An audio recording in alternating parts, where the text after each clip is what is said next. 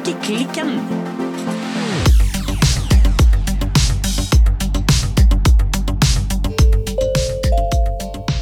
Velkommen til yogatimen.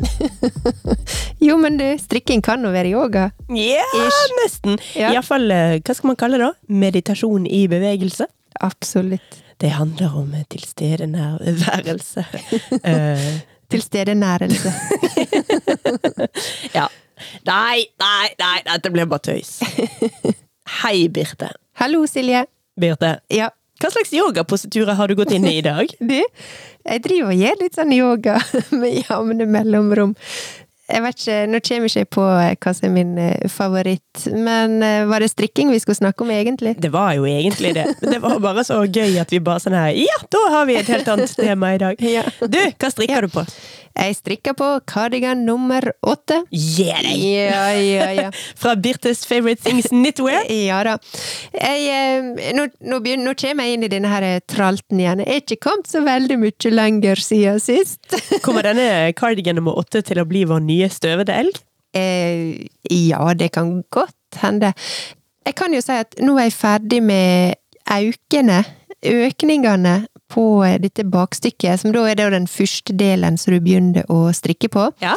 Så nå er det slags sånn brum-brum motorvei-ish på bakstykket. Ja. Men eh, siden dette da er en cardigan, så er jo det fram og tilbake, altså rett og vrang, rett og vrang. Og det er jo Det kjenner jeg at sånn mentalt så syns jeg det er litt sånn utfordrende å kaste seg ut i, for det går så treigt på vranger med meg. Eller, det gjør egentlig ikke det, men jeg føler det er så krevende å strikke på vrangsida. Ja. ja, så du Ja. er bare en forsidestrikker, egentlig? Jeg er en forsidestrikker, men jeg så noe veldig interessant her på Instagram, selvfølgelig. Of course. Ja, det var at eh, der var det noen som hadde lagt ut en teknikk om hvordan du kunne strikke rett også på vranga.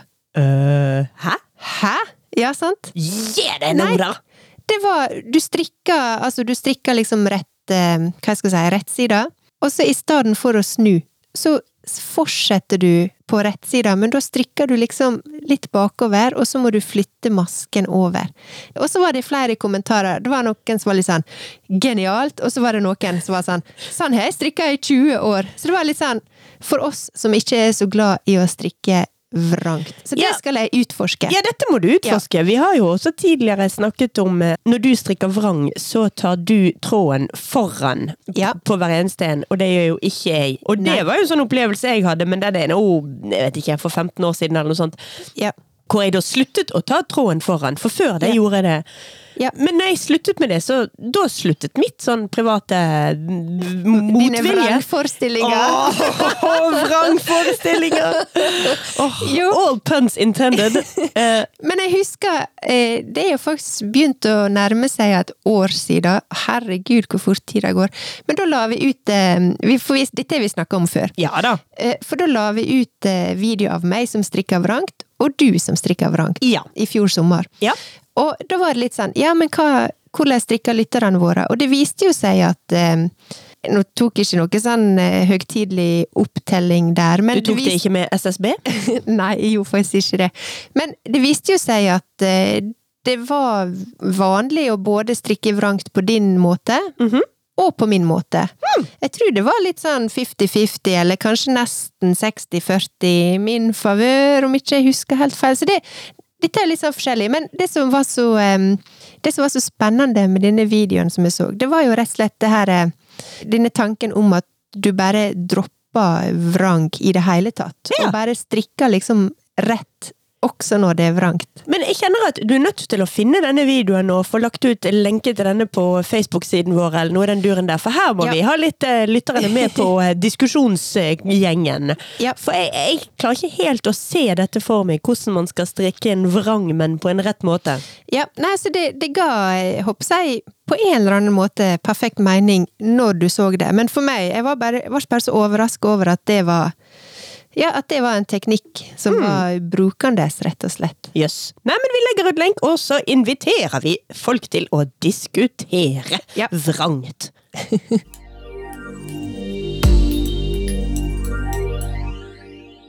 Og Silje? Ja. Hva strikker du på? Jo, nå skal du høre. Ja. Jeg strikker ikke på mitt aftenstrikk og raumapledd. Nei? Hva betyr det? Det betyr at jeg er ferdig!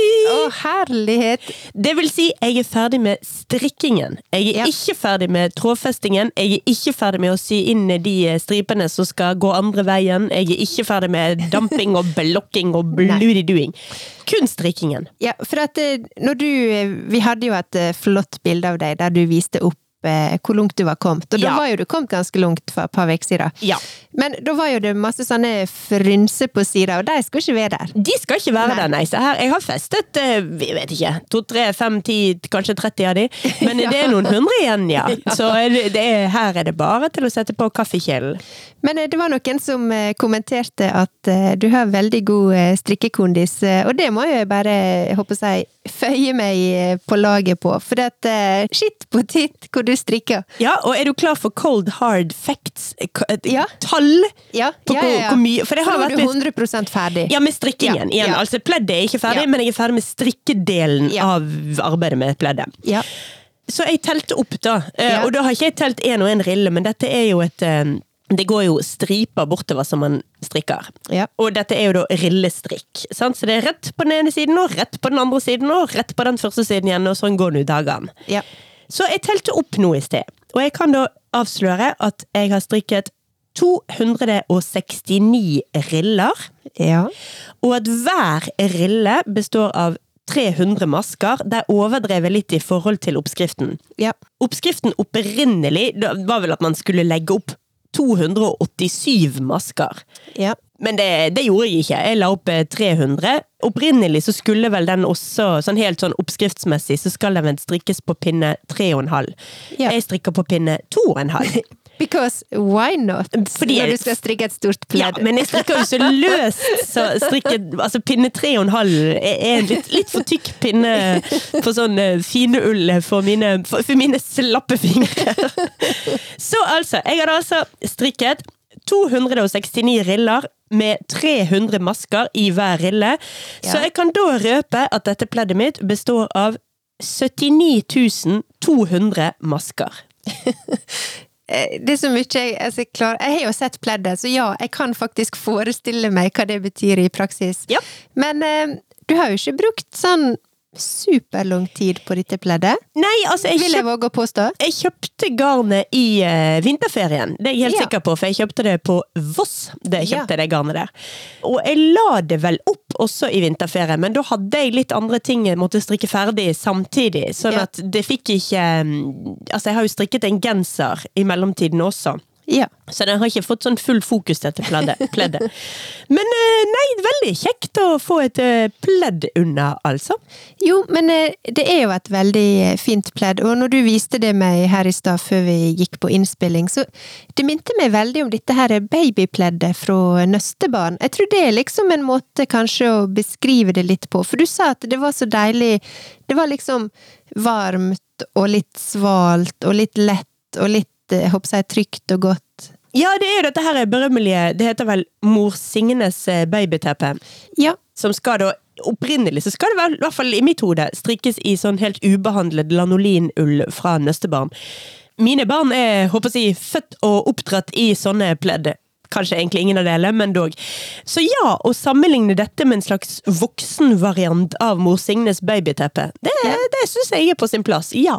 Litt større, litt mer farger, eh, men ja, det har den samme sånn både letthet og varme og ja, jeg tror dette kommer til å bli et pledd eh, både jeg og familien kommer til å bruke veldig mye. mm.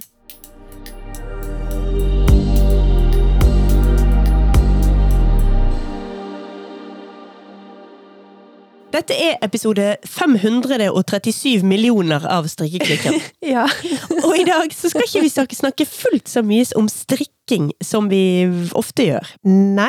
I dag hadde vi lyst til å ha en litt sånn snikksnakk-striksersnakk-episode, hvor vi snakker om livet generelt og våren og festspillene og Ukraina og passet og egentlig ting vi tenker på utenom strikking også.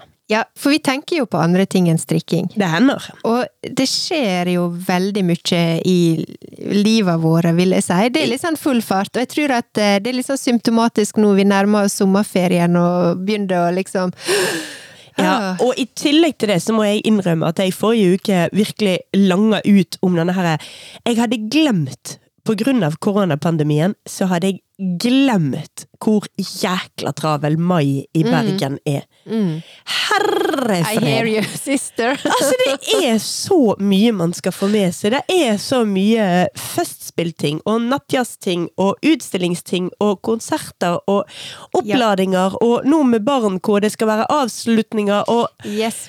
Horre heite! Jeg hadde glemt hvor travelt det var. Fytti grisen. Ja. Så når vi skal si nå at eh, denne episoden ikke har så mye tema, så er det også litt fordi at liksom Har du hatt tid til å lese deg opp på Pers bok eller koftehistorie den siste uken? Nei, så ikke mer enn det gjorde jeg før jeg i forrige innspilling og innspillinga før der. Så ja, jeg tror vi kjenner litt på en slags sånn eh, materialtretthet eh, akkurat nå. Ja, akkurat når det gjelder strikketema. Men jeg har mye jeg vil snakke om som ikke er strikkerelatert. Yes, bring it. I'll bring it, rett og slett. Altså, én ting som jeg gjerne vil eh, remje i vei om. Altså, jeg er jo eh, også, i tillegg til å strikke, så er jeg jo kanskje mer enn gjennomsnittet glad i å dille i hagen. Ja. Og mens jeg diller i hagen, så hører jeg jo på lydbok. Ja. Ja. Og det er en bok jeg har virkelig det, det er liksom fælt å si jeg har mollkost meg med det, for det er så dark tema. Mhm, som vanlig. Ja, Ja. som vanlig. Ja. Men det er en bok som heter Rød sult Stalins krig mot Ukraina av eh, Anne Applebaum. Den det, høres jo veldig aktuell ut. den, det er jo akkurat det den er.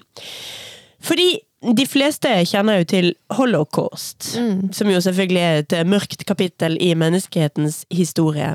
Men et altfor lite kjent kapittel, det er holodomor. Ja. Det betyr eh, noe sånt som eh, altså sult som utslettelsesform, eller utslettelse via sult. Hungersnød, Ja. rett og slett.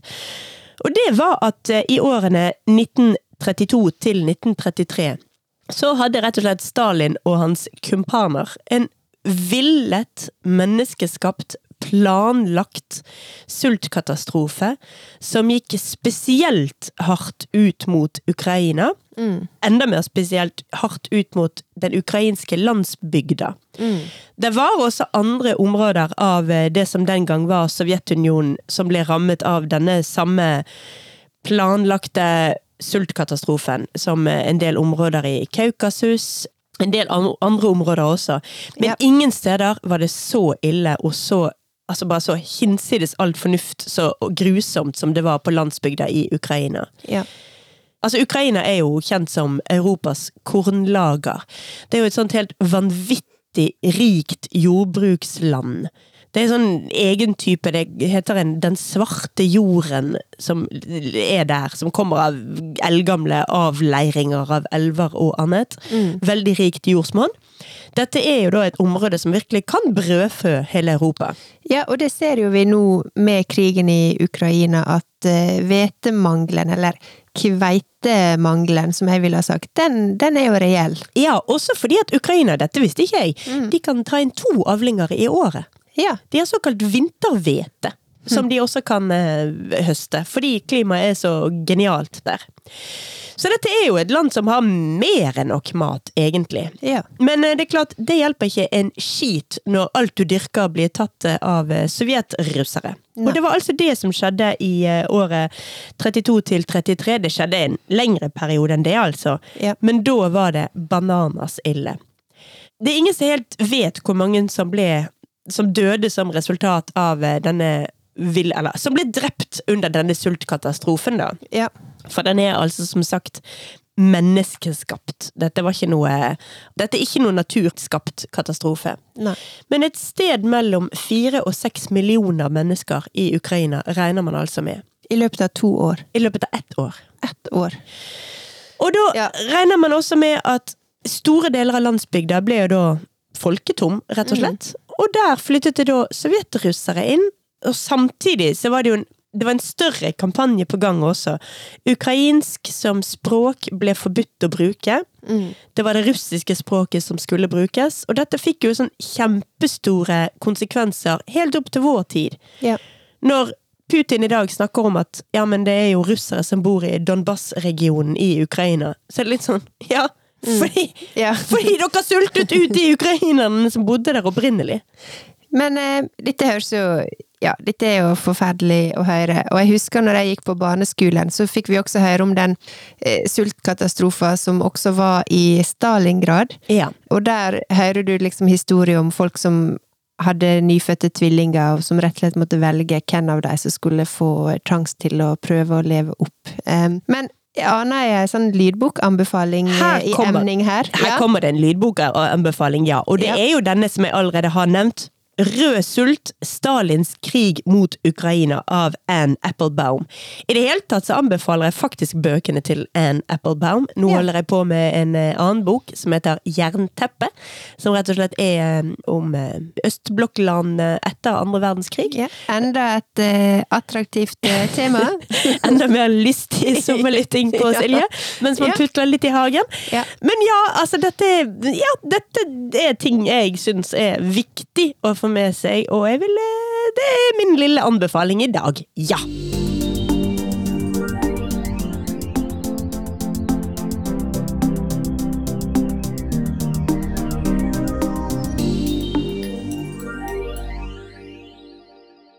Men eh, skulle det være liksom den litt eh, alvorlige, tunge biten av eh, dagens episode? Ja, men dette er jo også historie og kunnskap, så Ja.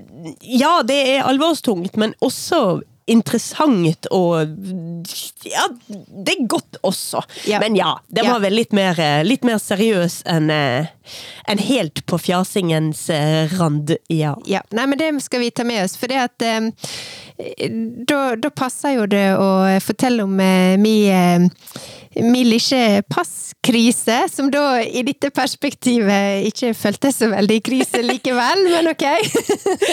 Sammenlignet med hungersnød ble passkrisen din litt liten, kanskje? Ja, det ble litt sånn, ok. Um, men uh, the struggle has been real eh, siste vekene, må jeg likevel innrømme. Ikke si at du er havnet blant disse her tusenvis av nordmenn som ikke klarer å få seg pass i tide.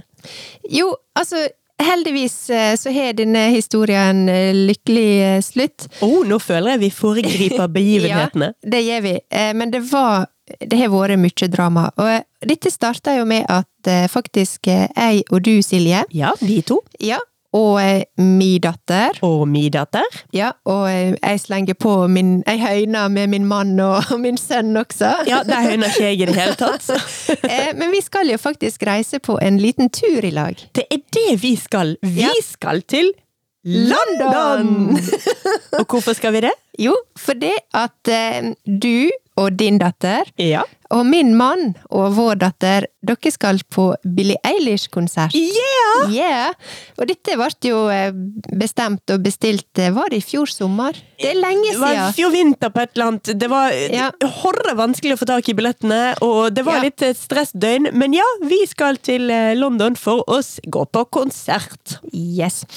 Og så eh, har nå dette vært veldig lenge til eh, ganske lenge. Ja. Men eh, en eller annen gang i det var vel kanskje i februar, så begynte jeg å lese noen sånne artikler om dette her passgreiene, som kunne utvikle seg fram mot sommeren. Ja. Da var jo det faktisk fortsatt litt sånn, om ikke lockdown-stemning, men det var fortsatt litt sånn Går det an å reise-stemning? Ja. Så det med å få pass føltes jo ikke så prekært eh, der og da, dessverre. Selv om en visste en skulle reise, håpte at en kunne reise, men så var jo det da denne her eh, passkrisa i emning allerede. Ja. Så jeg bestilte passtime, Ja. fordi at mine barn Der De varer jo bare i to-tre år, disse barnepassa. ja. Så de var nå gått Fem år er det vel ikke det? Nei, kanskje bare to-tre år. Jeg har ikke peiling. Jeg tror på min eldste, så kanskje hun er kommet inn på fem år nå, men eh, det forrige passet til eh, min yngste, det varte i to år. Altså, jeg lever jo i en verden hvor jeg føler at mitt pass, som går ut hvert tiende år går, Altså, vi gjør jo ikke annet enn å fornye passene. Det, ja, det er virkelig sånn der at jeg av og til får lyst til å skrive når man skal skrive CV og sånn. Så det er sånn, ja, hva driver du med? Du, jeg fornyer passet mitt. Ja. Nei, men det pass, eh, pass må vi ha, og spesielt til England. Det er jo et av de få landene i Europa, i hvert fall, som europeer, der du virkelig trenger å vise passet ditt. Mm. For de, jeg tror ikke de er med i denne Schengen-avtalen. Det er noe greie. Vi er ikke med i EU, nå er jo heller ikke England med i EU, og noen EØS-regler. Det, det er litt komplisert. Nei, vi kan ikke disse reglene her. For å si det sånn, eh, hvis du er ute etter å lære deg passreglene, ikke skriv mail til strikkeklikken. Nei. Det som vi vet, det er at du må ha pass. Det vet vi. Ja. Du kan reise mange plasser i Europa uten pass, men Ja, ja, England ja. må du ha pass. Ja, da, jeg var i Berlin rett før jul med et eh, fullstendig utgått eldgammelt pass som ikke virket i det hele tatt. Ikke helt Ja. fint. Ja. I alle fall, så bestilte, skulle jo bestille den her berømmelige passtimen, da. Så nå, Ja. Det er jo et sånt tema. Det er sånn er det, Kanskje det blir årets nyord, eller noe Ja, passkøen, ja. Passtime, eller passkrise, eller passkø. Ja, jeg veit ikke. Passkrise. Men, jeg liker eh, ordet. Ja, i hvert fall så fikk jeg jo ikke time før da ut i midten av mai. Og nå snakker jo vi om at jeg satt her og prøvde å booke i ja, var det kanskje slutten av februar, eller noe sånt? Ai, ai, ai. Så begynte det litt sånn, ok, shit. Men det sto ingen plass hvor lang leveringstid det var på pass. Men det var jo for at da gikk jo det ganske raskt, så det var fortsatt ikke et tema, det her med leveringstid på pass. Nei. Og så har jo ting skjedd i løpet av våren. Det har blitt eh, en krig som har påvirka råvaretilgjengeligheten, og så er jo det det at alle har fått den samme opple aha-opplevelsen som oss. Oi, vi skal reise! Oi, vi har utgått pass! Så alle disse kombinasjonene eh, slår dårlig ut. Ja. Men i alle fall, vi var på eh, passkontoret, fikk tatt bilde, bestilt nye pass. Fikk beskjed om at eh, ja, det er litt kort tid, så kom hit og eventuelt få nødpass hvis dere ikke har fått melding ei uke før dere skal reise. Så gjorde det, og så har jo dette her også eskalert. Så nå er jo nødpass eh, også blitt eh, en eh, veldig ettertrakta og minusvare. Ja, jeg føler at det er masse sånn frakkledde mennesker som står i smug og ute i regnet med sånn jakkeslagene dradd opp og kommentarer av typen Har du roen på noe nødpass, eller? Jo, det er nesten blitt litt sånn. Men eh, jeg skal eh, Jeg foregreip, eh, håper jeg, denne historias eh, konklusjon. Men eh, poenget er, vi har ikke fått eh, vanlig pass. Åh! De har ikke kommet. Men vi har klart å sikre oss nødpass. Så yes! Det Vi- blir London. Det er veldig bra! Ja. Men jeg må erte deg bitte litt, Ja, Birte. ja. Fordi en av oss var veldig tidlig ute med å ordne seg pass. Til både seg sjøl og barna sine, og det var meg. Den Ja. andre av oss var veldig stresset for at den ene av oss uh, ikke klarte å svime seg til å booke fly og hotell. Du var nemlig jækla tidlig med å booke fly og hotell. Det var jeg helt avslappet og bare. Men nå rekker jeg opp handa her. Ja, Rewind it litt. Ja. Uh, var ikke det jeg som sa til deg 'har dere pass' en eller annen gang i vinter? jo fanken, det var Og det du sant. var litt sånn Nei, men du, du har bil, så du kunne bare kjøre og flotte deg i Knarvik eller noe sånt. Ja, ja, ja, det var det. Jeg har bare kjørt til Knarvik. Du kunne bare lånt bilen min. Jesus. Ja, Ja, Skulle ha gjort det. Ja. Nei, for det er jo sant det også at uh, altså, både meg og begge barna manglet et pass. Og selv om mitt, uh, min sønn ikke skal være med på denne turen til London, så skal vi på andre turer i sommer. Ja. Ut til dette her eh, landet, utlandet. Ja. Og der må man jo ha pass. En Så ha pass. jo da, nei da. Vi, vi har vært på Knarvik både én og to eh, og tre ganger for å hente og ordne pass. Så eh, nei. Ja. The pass struggle is real. Ja, den er faktisk real, og det har jeg kjent på. Det får stressa meg veldig siste veka. Så, men nå er alt i orden. Vi skal reise. Vi reiser om ei veke. Til London!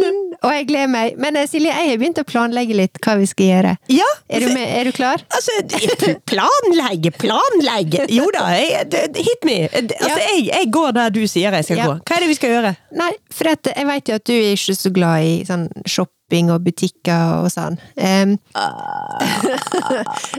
jeg prøver å kutte ned. Jeg, jeg sier ikke at jeg har ikke shoppeplaner, men jeg har likevel noen ting som, eller butikker som jeg har lyst til å gå innom og kikke. Ja.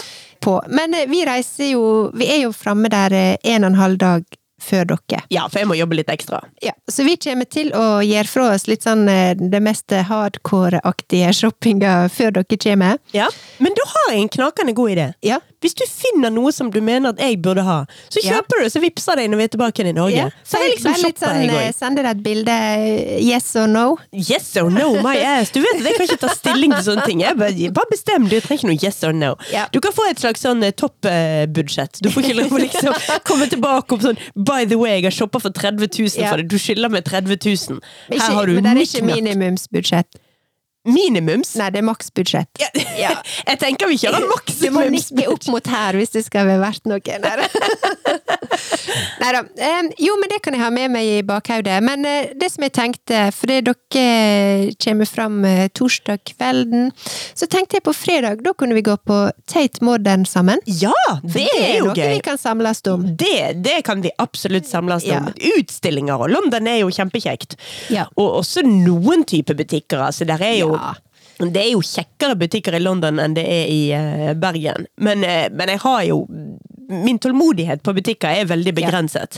Men jeg er veldig flink til å sitte på kafé og passe veskene og posene mens andre shopper. Jo, men du, da har jeg faktisk eh, Nå kommer jeg med et lite sånn råtips her. For det at å reise til London og liksom gå på den største Hennes og Maurits i Oxford Street, eller Topshop, eller sånne ting, det er jo dørgende kjedelig. Ja. Og litt sånn, eh, jeg vil kalle det litt sånn eh, livstappende, Ja. rett og slett. Suger ut sevjen av Ja, det er jeg helt med på. Men der er én butikk da som jeg tenker at du kanskje hadde likt, okay. og som vi kanskje skulle prøvd å fått med oss eh, i lag. Aha.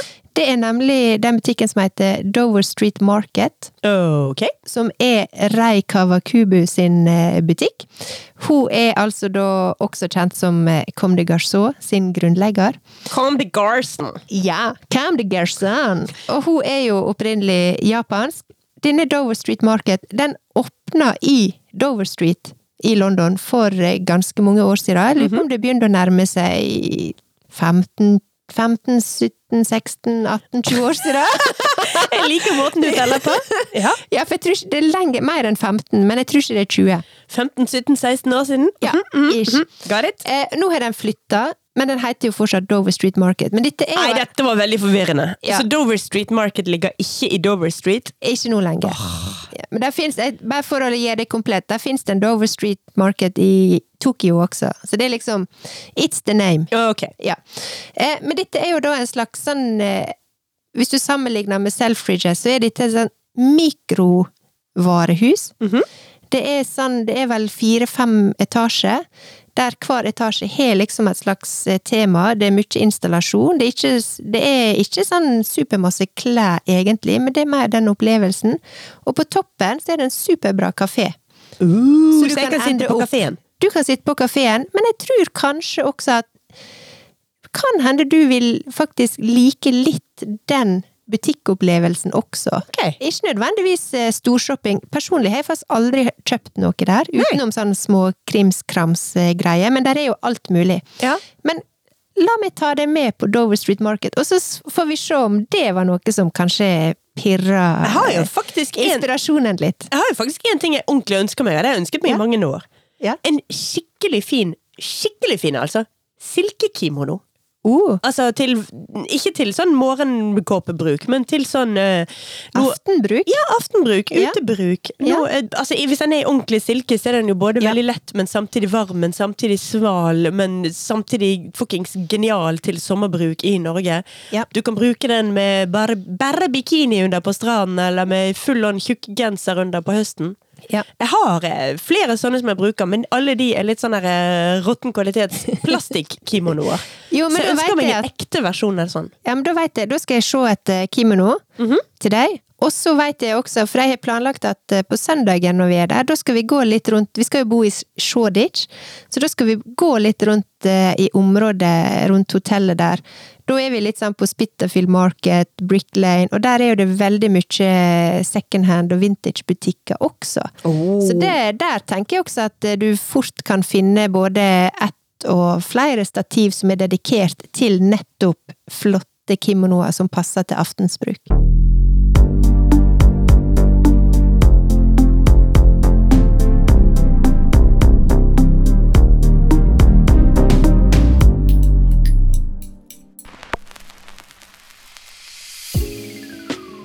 Strikken er sponset av Rauma Garn, som i disse dager inviterer strikkere til å være med på Fremstrikk. Fremstrikk er et årlig magasin fra Raumagarn, der helt vanlige strikkere, sånn som meg og deg, blir invitert til å være med og strikke og vise fram en ny kolleksjon i norsk ull. Rauma Garn ønsker å vise fram alle de flinke strikkerne vi har i Norge, og all den fantastiske skapergleden og kreativiteten der ute. Fremstrikk-magasinet gis ut i november 2022 og inneholder både oppskrifter og en kunnskapsdel. I kunnskapsdelen kan du lære mer om norsk ull, produksjon og verdikjeden som helhet. Strikkerne som blir valgt ut, vil få være med og utforske de seks ulike norske ullkvalitetene som produseres på Rauma ullvarefabrikk.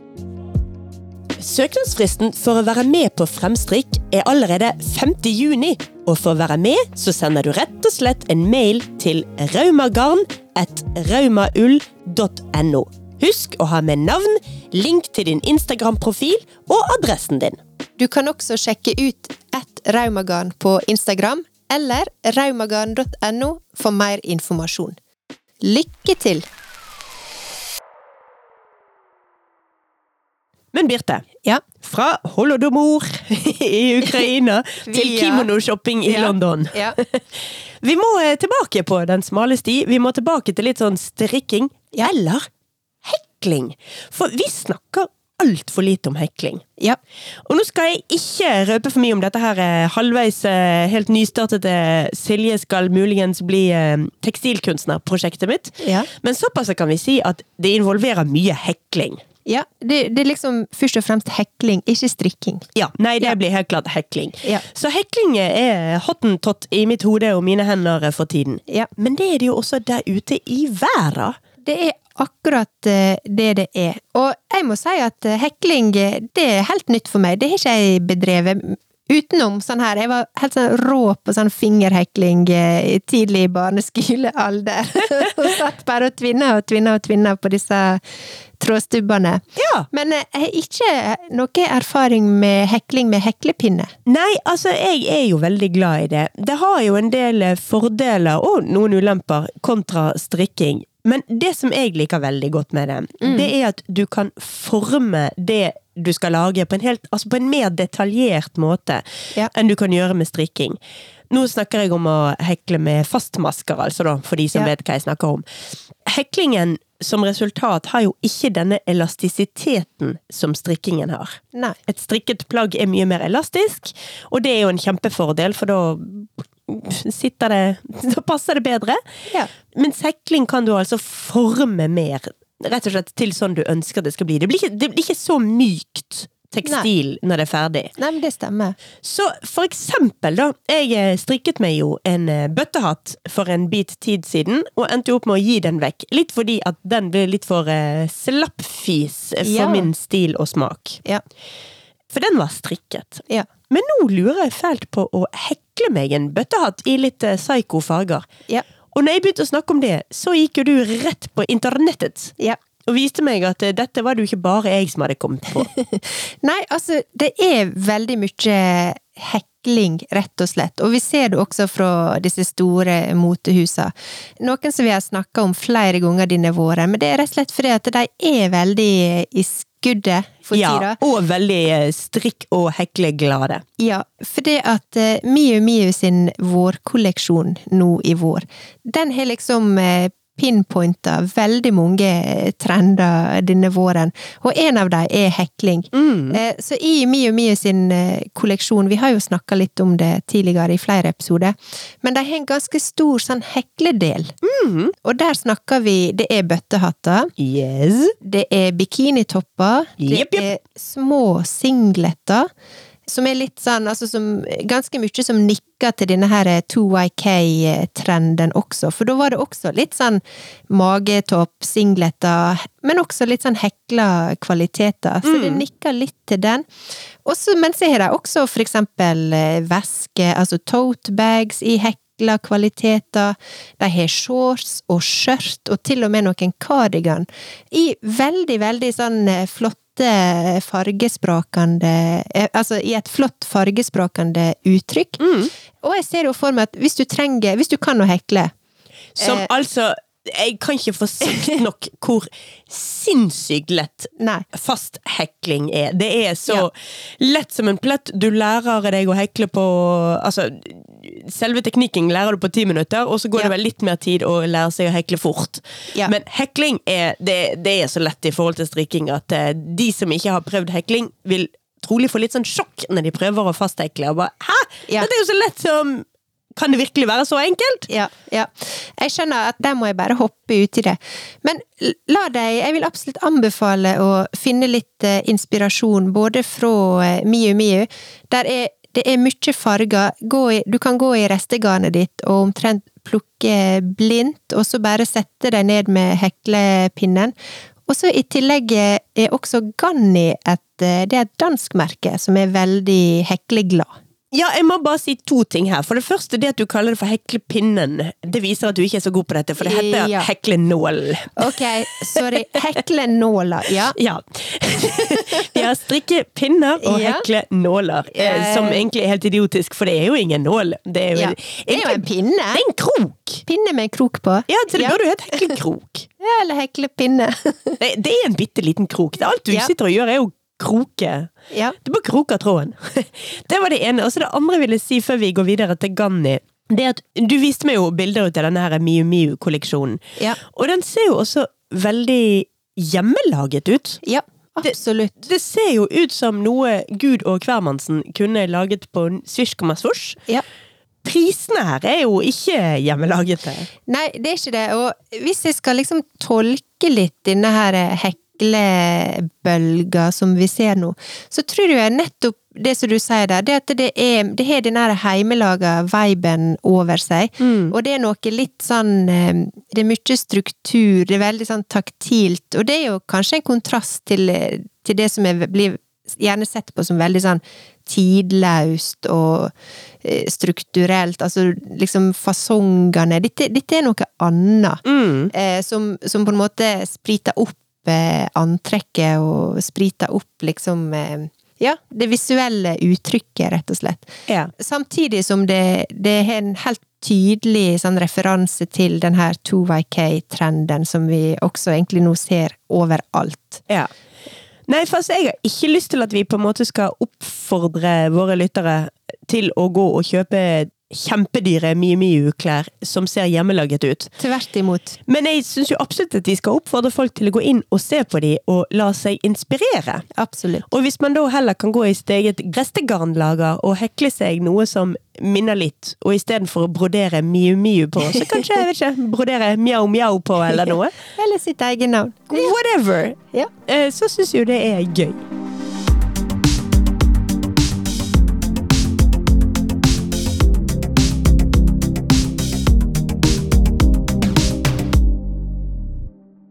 Men eh, Birte, Ja. jeg avbrøt deg.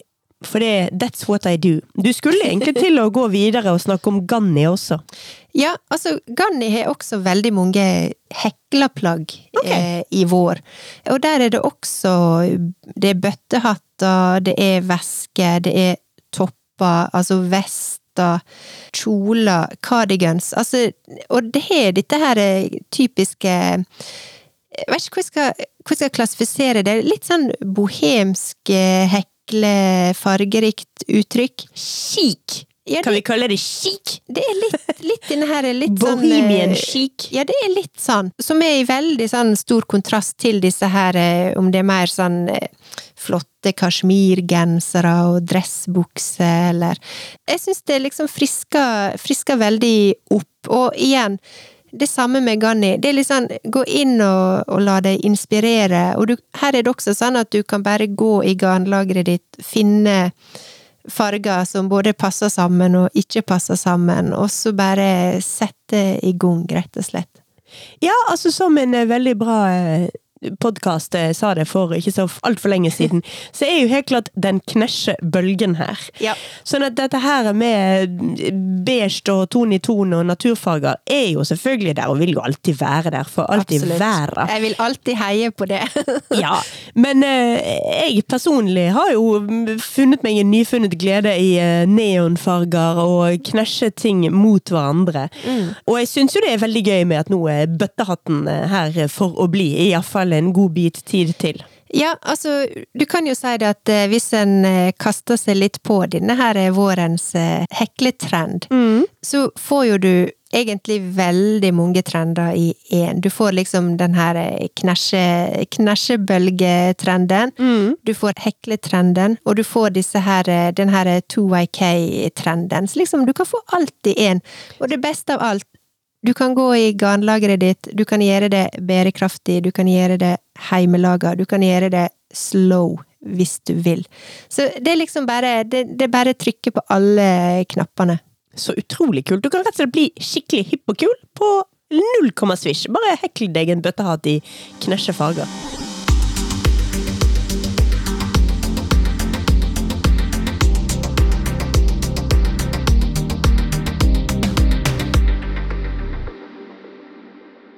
Men når vi snakker om sånne hekletopper Ja. Nå har jo vi sommerferien foran oss, og jeg ser jo absolutt at eh, singleter i alle mulige varianter, det kommer til å bli årets eh, sommerplagg, uten tvil.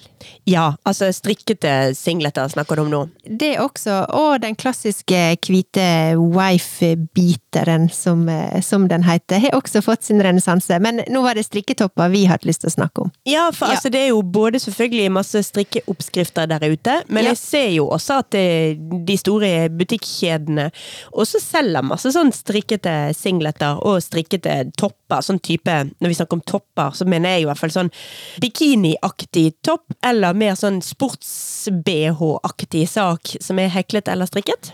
Ja, eller rett og slett eh, singleter, med stropper mye også. Ja. Noen som er god på det, og har alltid et bra utvalg av det, det er jo Vitre Design. ja, da er du på strikkeoppskrifter på det. Ja, nå er vi på strikkeoppskrifter. Hun har flere fine strikketopper, eh, både tubetopper, dorikatopp og helt enkel tubetopp, som er jo da to eh, tubetopper. Og så vil jeg kanskje spesielt framheve denne her Northwest-topp, som kanskje liksom pinpointer veldig den looken som eh, kommer til å være nå i sommer. Ja, jeg ser Vitre Design har et eh, full on hefte nå ute på Rauma, som er rett og slett eh, sommeroppskrifter. Ja. Som er da heftig på eh, topper og noen kjoler, blant annet liksom Agathe-topp, Monroe eh, både kjole og Monroe-topp. Ja. Personlig så falt jeg jo selvsagt, for de som har, har tittet inn på dette her, så var denne her som heter Jonsok-jakke, appellerte jo selvfølgelig umiddelbart til meg, fordi Ja. den er litt kimono-aktig. Ja. Den har disse her, eh, det er en sånn løs, lang jakke med utrolig slappe ermer. er det lov å prøve, prøve å si noe positivt om et plagg og beskrive det som skikkelig sånn slappe ermer? Mm. Nei, men det er noe med den silhuetten jeg syns er sinnssykt behagelig å bare slenge over meg og dasse rundt i hagen mens jeg hører på lydbok. Og ja, napper en liten vissen eh, blomsterknopp der, og luker litt der, og diller rundt. Lever bohemlivet. Ja. Glade bohemlivet i Ytre Sandviken. Nei, men altså, sommertopper. Ja, jeg vil også anbefale for eksempel Nelly-topp fra Spetakkel Strikk. Yes. En veldig enkel, eh, litt sånn eh, Håper jeg blanding mellom 90-talls og 2YK-aktig singlet-topp med litt sånn spagettistropper. Jeg skulle til å Ja. si, den hadde jo veldig tynne stropper, som Ja. i det her eh, Dette var full on spagetti. Absolutt.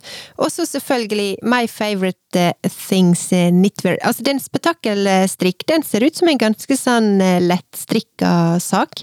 Og så har My Favorite Things Knitwear også det som hun kaller camisoles. Nummer én og nummer to og nummer tre. Jeg tror det er i hvert fall kommet fire forskjellige sånn camisoles, eller singlet, eller topp topper, rett og slett, i strikk. Som kanskje er litt mer sånn forseggjorte, litt mer struktur, eh, litt mer eh, Ikke mønster, men strukturstrikk, da, gjerne. Ikke bare sånn enkel glattstrikk eller rillestrikk, som en ofte ser at disse her eh, strikketoppene kan, kan være i. Og så når man snakket om farger, så har vi jo allerede bestemt at hvis du skal være et skikkelig trendnisse, så er i hvert fall Ja. mye farger veien å gå. Ja. Men det er jo også en litt sånn spesiell farge som eh, vi har gjort ganske mye inntog nå de siste månedene, og det er irrgrønn. Mm. Nå snakker jeg ikke om min gode, gamle, høyt elskede chartreuse. Nei? Jeg snakker om eh, Hva skal vi beskrive denne grønnfargen som, da? Det er ikke neongrønn, det er ikke chartreuse, det er ikke noe sånn skogaktig grønn. Nei, men er det Jeg har sett at noen har brukt eh, ordet lime. Ja, det er ikke helt riktig det heller, for lime er syrligere enn den eh, som er virkelig slått an nå. Bokstavelig talt. Ja. Ja.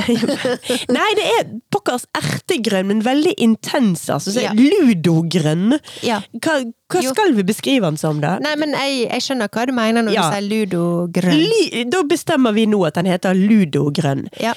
Personlig er dette veldig langt fra min eh, favorittgrønnfarge. Den er for intens og for gæren. For, for ludo, for min smak. Ja. Men uh, herregud, det driter vi vel i. Uh, det er i hvert fall en farge som er veldig eh, der ute. It's Ja. there. Og det Ja. syns jeg er veldig gøy. Det er veldig gøy, og altså med sånne jeg håper si, små, lette sommerplagg, så tenker jeg at det, det er jo lov å go crazy hvis en vil det. Men kanskje det beste av alt, og som vi alltid prøver å oppfordre til, det er jo det at det, det er ikke så mye garnmengde som skal til for å strikke disse her eh, toppene.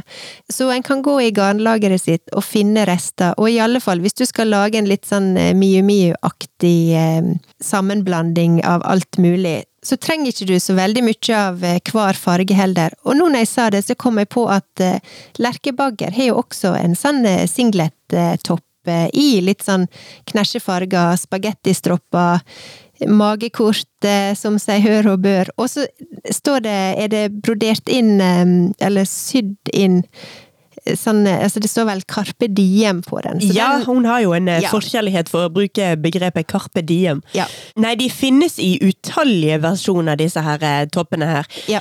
Jeg sitter og ser her på en Dale Fuji bikinitopp. Den kan man få på strikkemekka. Ja. Altså, her er det bare til å google litt og finne ut hva en sjøl liker. Og Ja. si hvor vågal en har lyst til å være. Hvor tynne stropper er du komfortabel med å ha sjøl? Hvor kort ønsker du å ha den? Ja. Det er jo opp til hver enkelt. Det er det, eh, og jeg kan jo si at eh, altså jeg personlig er ikke glad i singleter. Jeg ser ikke for meg å kaste meg på denne her eh, strikketopp-singlet-bølga, men et tips da for sånne som meg, og kanskje litt deg Silje, jeg vet du er ikke heller sånn overbegeistra over singleter som plagg i Nei. seg sjøl. Men det en kan gjøre da, er jo at eh, for å få litt uttrykket, og hvis en har lyst til å strikke på et sånt type plagg, så kan jo du bare ta toppen over ei T-skjorte eller langarma, tynne bomullsgensere. For da får du også denne her eh, veldig sånn 90-talls-looken på det.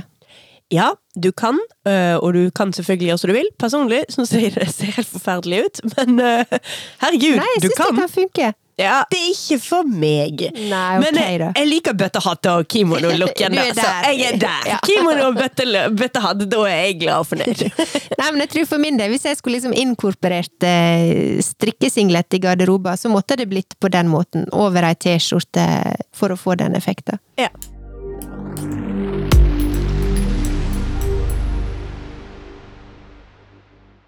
Men eh, Birte, da har vi vært innom my my mye eh, rusk og rask denne Ja. episoden. Vi starta nede, og så jobber vi oss litt oppover. Ja, vi har liksom ryddet litt grann i, om ikke garnlageret, så i hvert fall i tankelageret. Ja. Eh, Jeg må også ta en liten sånn nyhetsoppdatering om Silje. Hvordan går det med plantene dine?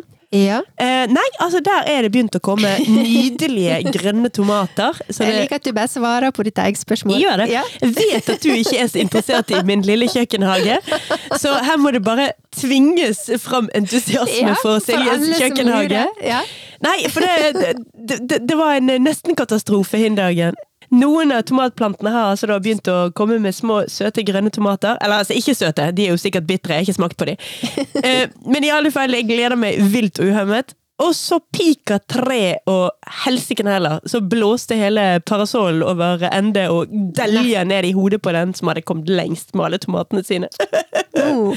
Jeg trodde først du skulle si at hønene dine hadde gått til angrep, men Nei, nei, nei, nei, nei, nei, altså hønene er på helt andre siden av huset, og langt eh, Hønene nærmer seg ikke engang tomatplantene mine. Da blir det deng.